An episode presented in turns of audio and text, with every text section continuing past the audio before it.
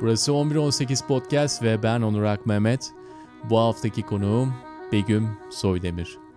Begüm uzun yıllardır medya sektörünün içinde. Belki dikkatinizi çekmiştir bu arada. Son haftalardaki yayınlarımız sokak üzerine çalışan insanlarla, sokakla haşır neşir olan ve üretim yapan insanlarla. Begüm'ün son işi de sokaktan topladığı insan hikayeleri üzerine bizim de çok ilgimizi çekti. Son bir yıldır Hürriyet Cumartesi ekinde İlk Otobüs Son Durak isimli bir seri hazırlıyor Begüm. Az sonra bu işin başlama ve gelişme hikayesini anlatacak. Mahalle mahalle geziyorlar. Eski ve yeni mahallelerde o mahallelerin hikayesini ve çat kapı girilen, kahve içilen ve ardından fal bakılabilen evlerini arıyorlar. Bunu da spontan bir şekilde önüne ilk gelen otobüse binerek yapıyor Begüm. 36C Cebeci, 132 ve Sultanbeyli piyangodan çeker gibi. Begüm 1974 Urfa doğumlu, Mimar Sinan Üniversitesi Sanat Tarihi bölümünden mezun olmuş ve gazeteciliğe ilgi duymaya başlamış. İlk haberi 1997'de Yeme İçme Kültürü dergisi Gusto'da basılıyor. Tam zamanlı gazeteciliğe ise aynı yıl Milliyet Gazetesi'nin ek yayınlar bölümünde başlıyor. Sonra sırasıyla yazılı basında Radikal, İstanbul Life, Aktüel ve GQ Türkiye'de çalışıyor. Begüm'le karşımıza çıkan ilk otobüse binmiş gibi başladık konuşmaya. Taksim'de bir araya geldiğimiz zaman İstanbul'un tüm mahallelerinde gezmeye başladık. Siz de buyurun dinlemeye. Begüm hoş geldin. Hoş bulduk. İlginç bir ortam değil mi? evet değişikmiş. Podcastlerin samimi ortamında seni bir cuma günü ağırlıyoruz Taksim'de. Teşekkür ederim. Yaklaşık 11 ay oldu İstanbul'da 950'nin üzerinde mahalle, 750'nin üzerinde otobüs hattı arasında sen de 30'u aşkın yolculuk yaptın. Evet. Ee, en çok seni etkileyen hat neydi? Zannediyorum Çifte Çınarlar hattı. Ee, Tokatköy ve Bombalıdere diye daha önce isimlerini hiç duymadığım yerlere gittim. O Çifte Çınarlar'da çok çok inanılmaz bir küçücük bir yol aslında. İki tarafı hakikaten çınarlarla kaplı. Ee, şimdi zannediyorum orada Türk-Alman Üniversitesi diye bir üniversite var. Onun sınırları içinde kalan bir şey. Ee, çok fotoğrafik bir yol. Hayatımda İstanbul'da öyle bir yer olacağını tahmin etmezdim. Sonra tabii o yolu görünce e, bir iki yerli dizide o yolun kullanıldığı geldi aklıma. Karadayı'da mesela falan. Hani böyle bir hesaplaşma sahneleri falan çekiliyordu orada e, ya da gizli randevular gibi. Ama yani ne çifte çınarlar diye bir yer olduğunu duymuştum şimdiye kadar. Ne o kadar güzel bir yol olacağını aklıma getirirdim. Asıl beni etkileyen o Tokatköy ve Bombalı Dere'nin ismi yani Bombalı Dere hani hiç İstanbul'da olduğunu bilmediğim bir şeydi. Bu turları yapmasam da herhalde senelerce daha karşıma çıkmazdı diye düşünüyorum. Tabii orada bir algıda seçicilik de var. Çünkü sen gittiğin her yerde yani yalnızca bu proje dahilinde değil adlara gayet evet. dikkatle bakıyorsun. Evet. Yani böyle keyif için bir yolculuk yapsan bile gidiyorsun onun fotoğraflarını koyuyorsun. Evet. Nedir bunun özelliği? Neden böyle bir... Valla herhalde ne bileyim mesleki deformasyon herhalde. Yani böyle e, tabelalar, sokak isimleri, o sokak ismi niye konmuş, arkasında ne var?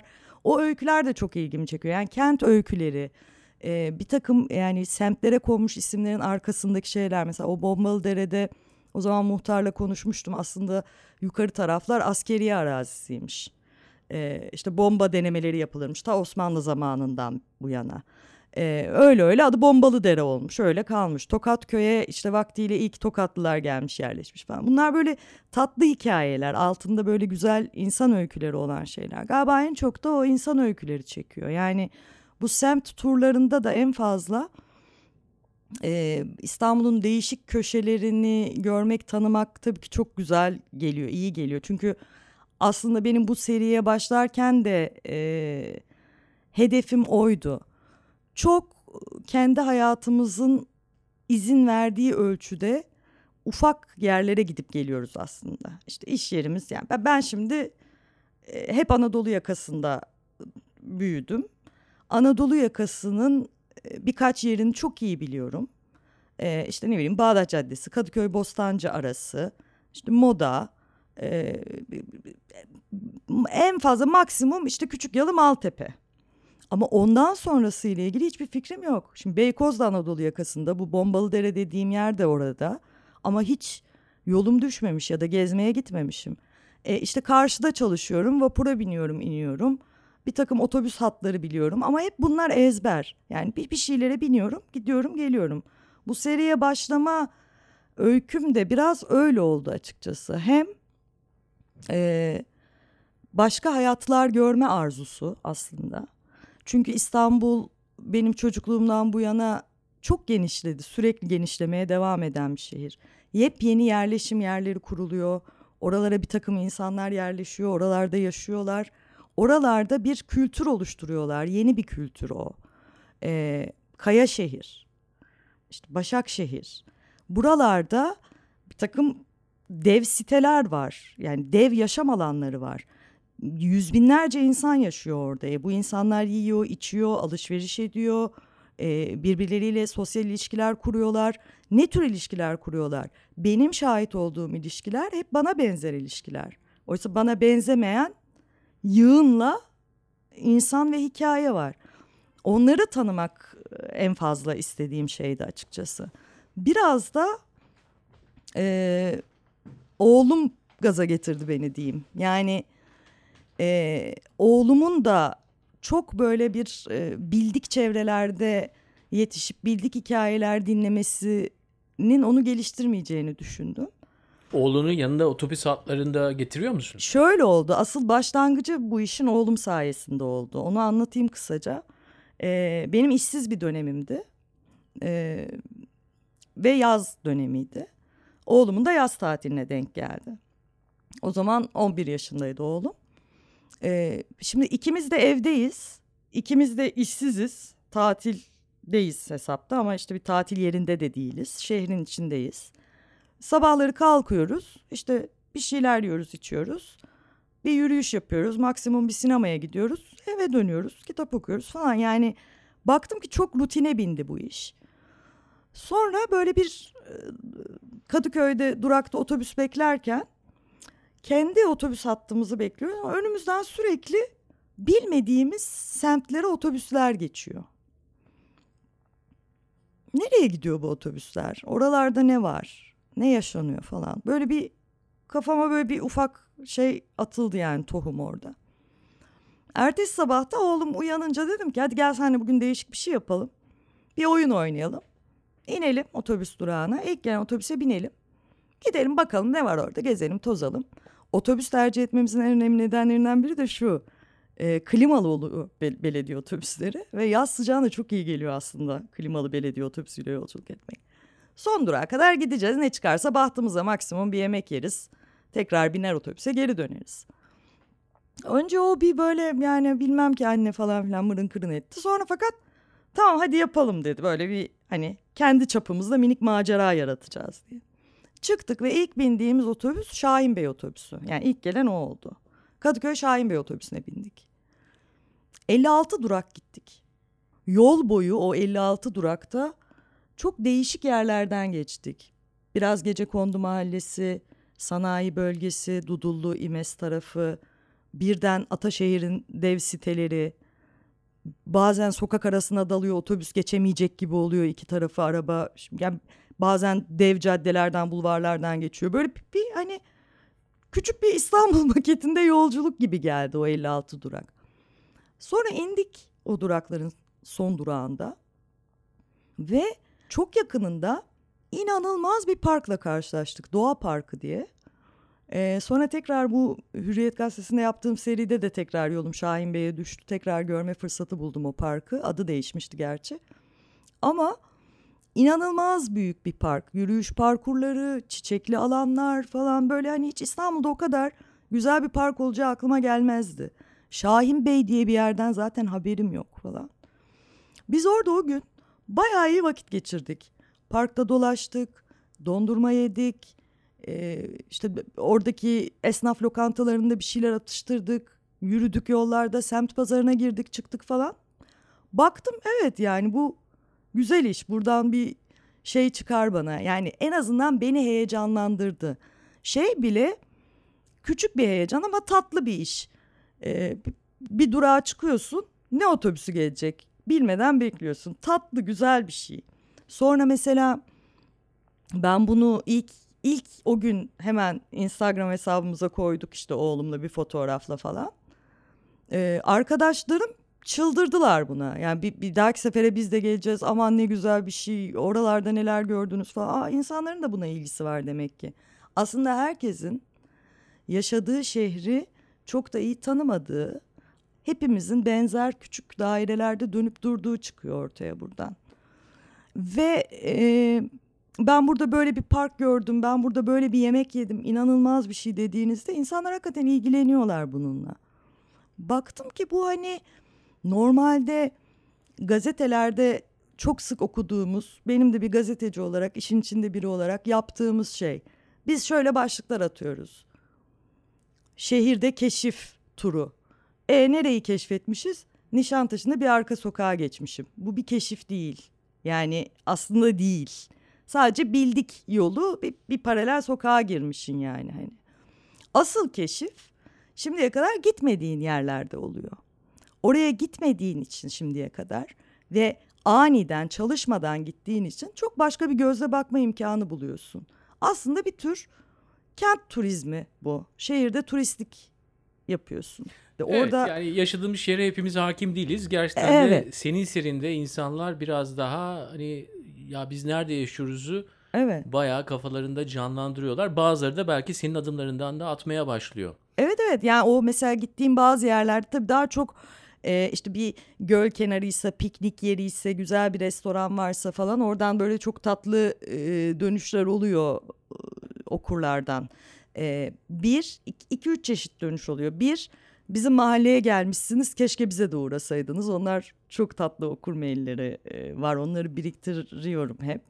Ee, bizim mahalleye gelmişsin bize de uğrasaydın alt sokakta da bilmem ne vardı bir daha geldiğinde mutlaka oraya da uğra. Ama tabii ben bunları önceden çalışarak gitmediğim hakikaten sürprizli bir şekilde yaptım. Yani bence aslında güzelliği orada onun. Ee, önceden çalışıp hat belirleyip gitseydim de o bir semt haberi olurdu ama bu kadar heyecan taşır mıydım ben? Ondan emin değilim. O heyecan tabii yazıya da yansıyor bir yönüyle. Ee, iki, mesela yazı yayınlandıktan sonra Aa, bu gittiğiniz yere işte mesela o çifte çınarlar yolunda ben Ay, herkesin keşke burada fotoğrafı olsa çok güzel bir yer dediğimde gerçekten bana seri halde insanlar orada fotoğraf çektirip attılar gittik burası falan diye işte piknik yeri önerdiğinizde restoran önerdiğinizde ertesi hafta gittiklerini görüyorsunuz falan tatlı bunlar.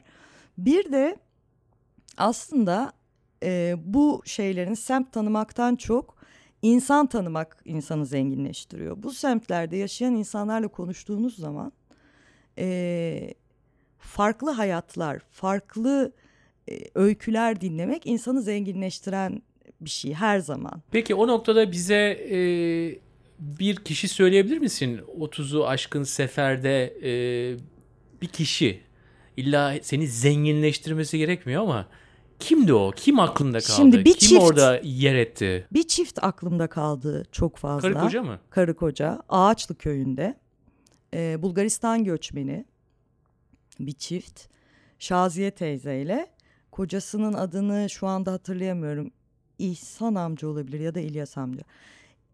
Ben hayatımda o yaşlarına rağmen bu kadar sevgi dolu bir çift görmedim. Zaten bize çok güzel de bir poz verdiler. Biz önce e, amca evde yoktu. Teyze evine bizi davet etti. Evinde onunla sohbet ediyoruz. e, konuşuyoruz. Gelini var, torunu var, oğlu var, inekleri var, süt sağıp satıyorlar falan. E, çok gerçek bir e, köy evi. Köy de çok güzel bir köy. Hala köy bir köy yani ağaçlı köyü. Ama mesela onların da çok büyük dertleri vardı e, bu üçüncü köprü e, yoluyla ilgili. Buradaki ağaçları kesecekler mi biz ne olacağız? Köyümüz istimlak edecek. E, çok tatlı insanlardı. Çok hala birbirlerine aşkla bakan insanlardı. Hatta işte biz orada otururken sonra evin beyi geldi. E, elinde e, çiçekle yani karısına vermek üzere getirmemiş elbette. Yoldan bir takım güller bir şeyler toplamış. Sonra bizi orada görünce çaylar kahveler içildi. E, İnsanlar evlerini açıyorlar. Mesela o çok e, enteresan geliyor e, bana hala güven duyup evlerine buyur etmeleri. Sonra fotoğraf çekelim dedik. Tamam bizi böyle çekin deyip diz çöküp karısına bir demet çiçek uzattı falan. Yani böyle enteresan bir tatlı bir hikaye. Yani e, yaşını başına almış bir çift, köylü bir çift ama çok çok büyük bir sevgi, muhabbet var aralarında falan. Bana çok iyi gelmişti Ağaçlı köyündeki o manzara. E, bir de Kurt Doğmuş köyü, Pendik'in Kurt Doğmuş köyü. Orası da çok güzel bir köydü. Sana şunu sormak istiyorum. Ee, ağaçtaki çiftten bahsettin. Hı hı. Ben de sana dedim ki hani bunun e, değerini anlamak da esasında bir birikim gerektiriyor. Hı. Ee, bizim podcastimizde kişiselden kaçamazsın. Çok güzel bir seri yapıyorsun ama kişiselde sana bir şöyle bir soru soracağım. Ee, sen de annem baban tabii e, 40'a aşkın yıldır evliler. Ee, ve büyürken ve şu anda ne, ne gördün orada? Belki biraz da bir yansımalarını da görüyorsundur. Yani oluyordur herhalde. Şimdi şu, evet e, bir kere temel olarak hakikaten sevginin hakim olduğu bir ailede yetiştim ben yani o, o konuda çok şanslıyım.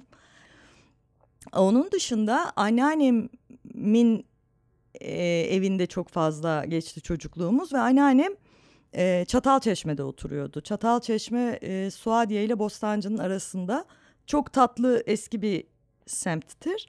E, çocukluğum da orada geçti. Dolayısıyla orada da e, çok fazla başka aile modeli görme imkanım oldu benim. Şöyle görme imkanım oldu. Eski bir sayfiye mahallesi aslında orası. E, eskiden sahil yolu olmadan e, kayıkhane vardı anneannemin evinin 3-5 adım ötesinde. Orada mesela e, dayım sandal kiralar biz çocukken bizi de sandala atar açılır.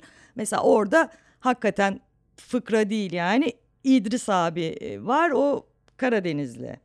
E, anneannemin yan tarafında sahil yolunda sahil yolunun üstünde bir tane pasta gibi pembe köşk hala vardır. Orada mesela Leyla teyze otururdu beyaz Rus. E, işte yan tarafta eskiden kalma alışkanlıkla Ermeni ve Yahudi komşular sayfiyeye gelirler. E, Şişli'de falan otururlar kışın.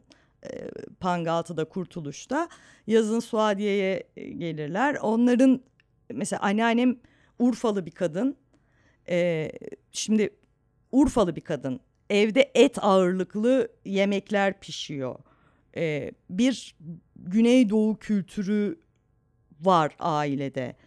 Ama anneannem zeytinyağlı yapmayı Ermeni komşularından öğreniyor. O yüzden mesela şekerli olur bizim zeytinyağlılarımız. Hani ne bileyim hani o bile yemek damak tadında bile farklı kültürleri test edebilme imkanı oluyor.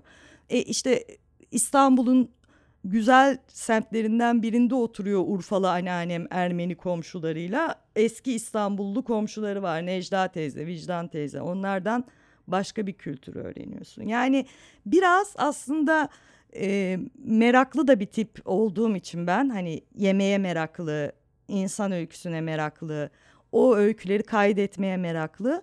Dolayısıyla onlar hakikaten besliyor. Zaman zaman karşına çıktığı zaman e, başka kültürden bir insan onu da deşmek hoşuma gidiyor ya da ben paralellikler buluyorum belki. Sohbet açma imkanı sağladı bana bunlar tabii.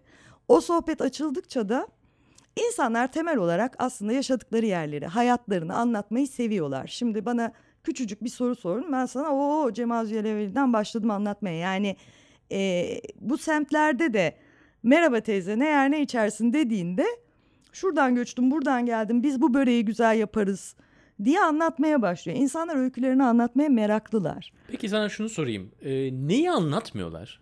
Neyi biraz kendilerine saklıyorlar? Neyi yabancıya karşı bu kadar cömertlik, o bildiğimiz konukseverlik varken neyi saklıyor insanlar? Vallahi herhalde en fazla e, ama bu bunu onlar saklıyorlar mı emin değilim. Bu benim de geri durduğum bir şey. Çünkü onu onu araya soktuğun zaman politik görüş veya din bunları yani daha insanların seçmekte özgür olduğu hassas mevzuları gündeme getirdiğin zaman sohbet tıkanır. Ya eski kural Normal vardır. bu. Dinden, politikadan, seksten bahsetme. Evet bence bu çok doğru bir şey bir yandan da. Çünkü bu bu aslında insanların deklare etmekten her zaman hoşlanacağı bir şey olmayabilir olmasın da. Yani bu onun özel e, hissiyatı, görüşü, düşüncesi. Bana anlatacağı hayat çeşitliliğine çok fazla katkısı olmayabilir. Anlatmak istiyorsa anlatır tabii. Ama bu bazen beni de tıkayabilir soran Ama kişi olarak. Çok ilginç bir şey söyledin sen daha önce düşünmediğim. Seçim şansının olduğu alanlarda diyorsun. Oradan daha da konuşmaktan evet, daha ediyoruz. daha rahat hissedebiliyorlar kendilerini. Günlük sohbet, küçük sohbet, küçük tatlı konuşmalar. Sizin oraların nesi meşhur? Şimdi bunun e, şeyi yok. Yani bunu insanı ayıracak bir yanı yok bunun. Çünkü hepimiz börek yiyoruz ve hepimiz hani şerbet içiyoruz ve işte ayranı bilmem ne. Yani bunun üstüne dünyalar kadar konuşabilirsin ve bu senin arana ket çekme ama ben bilmem ne partiliyim dediğinde ister istemez yani muhabbet başka bir yere kayıyor ve benim istediğim o değil ki. Ben hani nerede doğdun, nerede büyüdün, nerede yetiştin, burada ne ekiyorsun, ne biçiyorsun, ne yiyorsun, ne içiyorsun. Ben bununla ilgileniyorum aslında. İnsan hikayesi duymak istiyorum. Orada demek ki yani biraz o güvenli yerlerde devinmemizin nedeni de oradaki diyaloğun, konuşmanın amacının Akıcı iki olması. kişiyi yakınlaştırması. Evet, evet. Yani Karıştırmak değil etrafı, esas da Evet, yani yakınlaştırmak. insan dedin. öyküsü dinlemek istiyorum. İnsan öyküsü. Bu arada çok daldan dala atlıyorum ama küçük bir parantez açayım. Ee, bu turlar sırasında şunu gördüm. İstanbul'un çok büyük bir imar sorunu var. Yani e, bir bir sürü ev tapusuz. E, o 84'teki e, aftan sonra hala tapu bekleyenler var. Ee, bir tane Emine teyze vardı mesela bu Bombalıdere'de her gün aynı saatte çıkıp postacının yolunu gözleyen benim içimi yakmıştı. İnanılmaz bir hikaye bana sorarsanız. Ee, yolun ortasında böyle bastonuna dayanmış duruyor gördük. Ee, yanına gidip sohbet etmeye çalıştım. Ne bekliyorsun teyze sen burada? Yaşlı bir kadın yaşını bilmiyor yani 70-80 arası bir yerde ama yaşından haberi yok yani öyle bir şey. Ee, postacıyı bekliyorum dedi. Allah Allah niye sokakta bekliyorsun falan. Ee, Yani bu saatlerde geliyor ve karşıdan hakikaten postacı göründü. Ee, Aa postacı geliyor falan. Biz dedik ki hani seni bekliyor Emine teyze. Postacı uzaktan ya ben bekleme dedim ben sana gelmez o daha sen ne her gün bekliyorsun ben gelirse getireceğim sana falan diye böyle hafif e, azarlayarak demeyeyim ama çıkışarak konuştu. Ondan sonra dedim siz ne bekliyorsunuz yani? Tapu, tapu kağıdı bekliyorum dedi. Yani inanılmaz bir şey senelerdir. O kadın o saatte yola çıkıp postacıyı bekleyip tapusunu bekliyor yani. Ve İstanbul'un çok fazla yerinde e, bu tür hikayelerle karşılaştım ben. Tapu sorunuyla. Yani gece kondudan bozma evler tamam size tapu vereceğiz denilmiş hala verilmemiş hala bir barış bekliyorlar. Galiba gene gündemde bir hikaye var bu imar affı ile ilgili.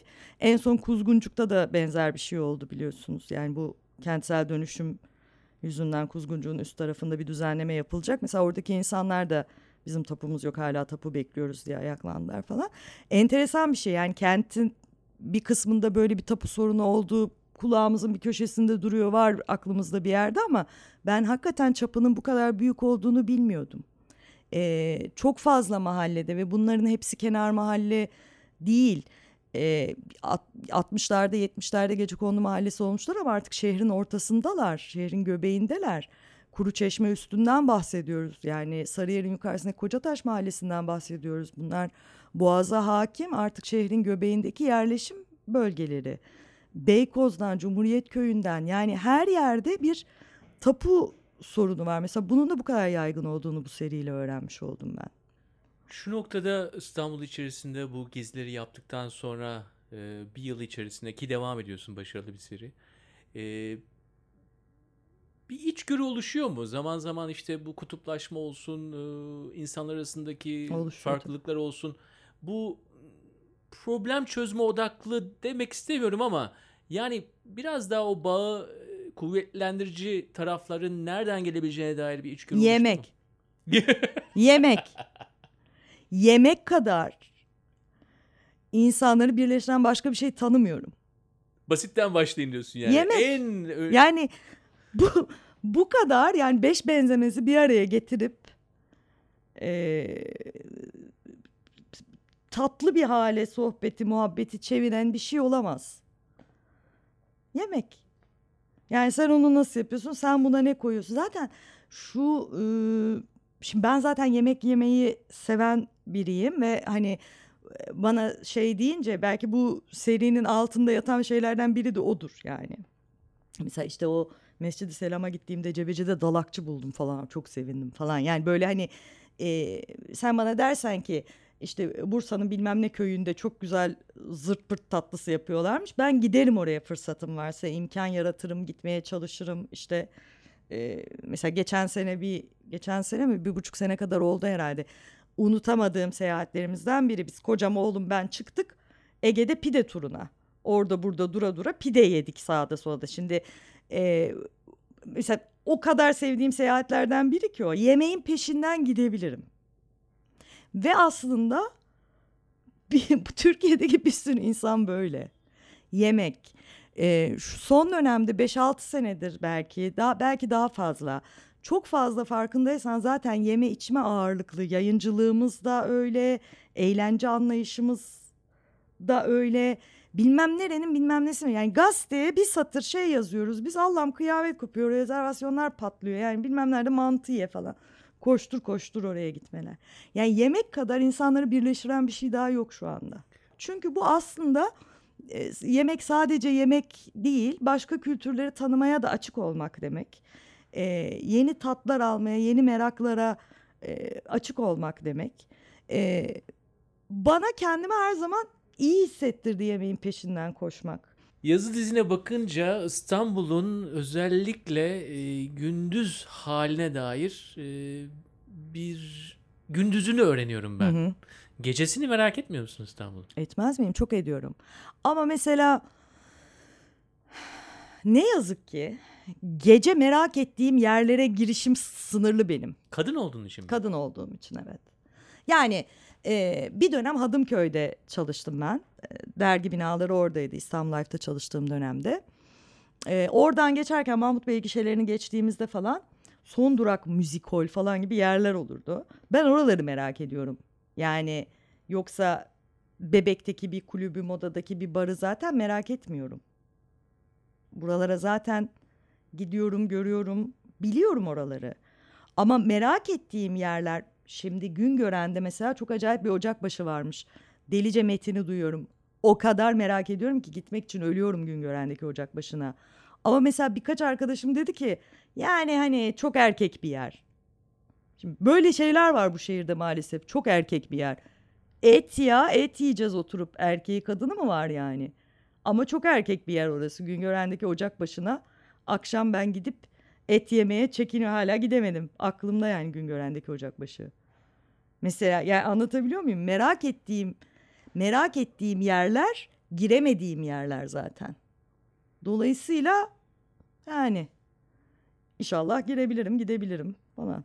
Ha gitsem ne olacak Güngören'deki ocakbaşına? Hiçbir şey olmayacak. Bunu da biliyorum. Yani o biraz da benim tembelliğim belki. Yani bunun arkasına sığınıyorum belki.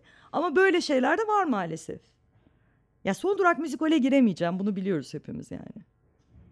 Kılık değiştirecek. ben, yani.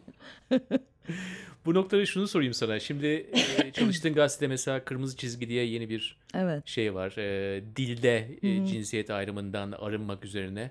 Aynı zamanda e, beden bedensel olumlama Hı. esası tabirini tam söyle. Be- e, yani Beden insanların- olumlama. e, beden olumlaması Hı. değişik değişik tipte vücut şeklinin esas da bir standartta iritilemeyeceği normal anormal ilişkisinin çok daha farklı olduğu Evet. ve orada e, çalışma yani o, o noktayla ilgilendin. Aynı zamanda tabii yani günümüzde şöyle bir şey var. Taciz e, yalnızca dilde değil, yalnızca bedene bakışta değil ama e, erkek ve kadın ilişkilerinde e, kadın kadına ilişkilerde erkek erkek yani hep böyle taciz tarafı birbirimize neyin olabilir neyi olabileceğine dair uluslararası bir şekilde Evet. bir farkındalık var. Evet. Bu gidişatta ne görüyorsun? Neden bunlardan geçiyoruz? Bir sonraki ne olacak? Yani Valla burada- iyi ki geçiyoruz Değil bir mi? kere. Hı. Yani iyi ki geçiyoruz. Çünkü e, kendimden örnek vereyim. Ben e, yani işte kadınım. E, bu kadar zamanda hakikaten e, çok fazla yani hakikaten erkek egemen bir dünyada yaşıyoruz yani. Bizim toplumumuzda biraz daha fazla. E, hakikaten onların sıkıntısını da çektik, yaşadık. E, Ve sen Ama- bunları yaşayan bir insansın değil mi? evet ama ben de 3 sene öncesine kadar adam gibi yap şu işi diyordum. Şimdi ne oluyor biliyor musun? İster istemez o bilinç bir şekilde yani şuranın akş oluyor nasıl oluyorsa. Ee, adam gibi şuraya geldiğinde "Aa, dur dur doğru düzgün yap diyebiliyorum artık. Kendime ket vurabiliyorum. Yavaş yavaş aslında birçok şey dilde başlıyor önce. Hani onu bir e, ama- e, bu yani halloldu mu? Yani dil, dilini hallettin de halloldu mu? Benim evde oğlumu nasıl yetiştirdiğime de bakmak lazım. E, Anlatabiliyor muyum? Yani şu işi doğru dürüst yap dedim. Ondan sonra oğlum geldiğinde prensim, paşam, kurban olurum dediysem zaten bir manası yok ki. Ha, geçmiş olsun yani. Onları yani her yönden kendimi eğitmeye çalışıyorum. Bu çünkü insanlıkla ilgili bir eğitim süreci aslında. Bütün bu eşitlik mücadelesi de işte Me Too hareketi de işte He Too hareketi de varmış bence çok gereksiz ama peki. Ee, hani iyi iyi bir gidiş var yani. Çünkü şimdiye kadar hiç yoktu. Peki iyi gidişlerden e, şuna soralım. E, Türkiye'nin durumuna dair çok fazla lakırdı var tabii. E, haliyle de e, yapılması gereken bir şey bu. E, tabii olayın politik taraflarına falan girmemize gerek yok. Ama bir doku arayışı içerisinde birbirinden uzaklaşan insanlar hem politik nedenler hem teknolojik nedenlerle bunları bu dokuyu dedin ki yemek örneğini verdin mesela ne görüyorsun? Sen ileriye baktığın zaman ne görüyorsun? Ya illa böyle çok politik olarak e, şey olmasına gerek yok. Yani bize Çok yani doğruculuk yapmaya gerek yok ama gerçekten sen de samimi olarak ne çıkıyor o taraflarda? yani hep bir yani umutlu olma arzusu var tabii ki e, iç- içimde. Ee, sırf kendim için de değil işte yani çoluğu çocuğu olan herkes böyle düşünmek istiyor. Yani daha iyi olacak, daha güzel olacak. En ufak bir güzel haberi büyütme telaşı var bizde. Yani güzel bir şey oldu. Hani onu büyütelim, çoğaltalım gibi. Ee, öyle olmazsa da zaten e, ya- yaşanamaz yani ne yapacağız? Yani yani kötüye gidiyor her şey diye şimdi. Şimdi bu sabah kalktık e, dolar bilmem kaç liraya. Yani hakikaten sabahtan beri aklımda var. Şimdi dolar altı buçuk liraya gelmiş. Ne olacak bundan sonra? E işte işsiz kalırsam çocuğun okulu falan böyle günlük gaileler e, doluşuyor insanın beynine. Ama ondan sonra ne bileyim işte oğlan bilmem ne sınavından iyi almış. Ha tamam ya hani toparlarız bir şekilde yaparız. Bizde tabii çok fazla e, benim ailemde de yakın çevremde de hallederizcilik vardır. Ya, yani aslında belki hepimizde var. Hallederiz yani. Son tahlilde hallederiz yani. Kafamız dinç olsun, bize bir şey olmasın, sağlığımız yerine hallederiz. Yani genel olarak öyle bakmak istiyorum. Yani onu kaybetmek istemiyorum hallederizciliği. Bence çok evet doku için önemli bir nokta halledicilik biraz hayatta Abi, kalma güdüsünün bunun- çok gelişmiş olduğunu söylüyor. Bunun tabii çok çirkin bir şey olduğunu da düşünmek mümkün. Yani oturuyorsun çünkü yerine ya Aman hallederiz de. falan yani. Ama şu anda beni en azından iyi tutan şey bu. Şu an bana iyi gelen bu.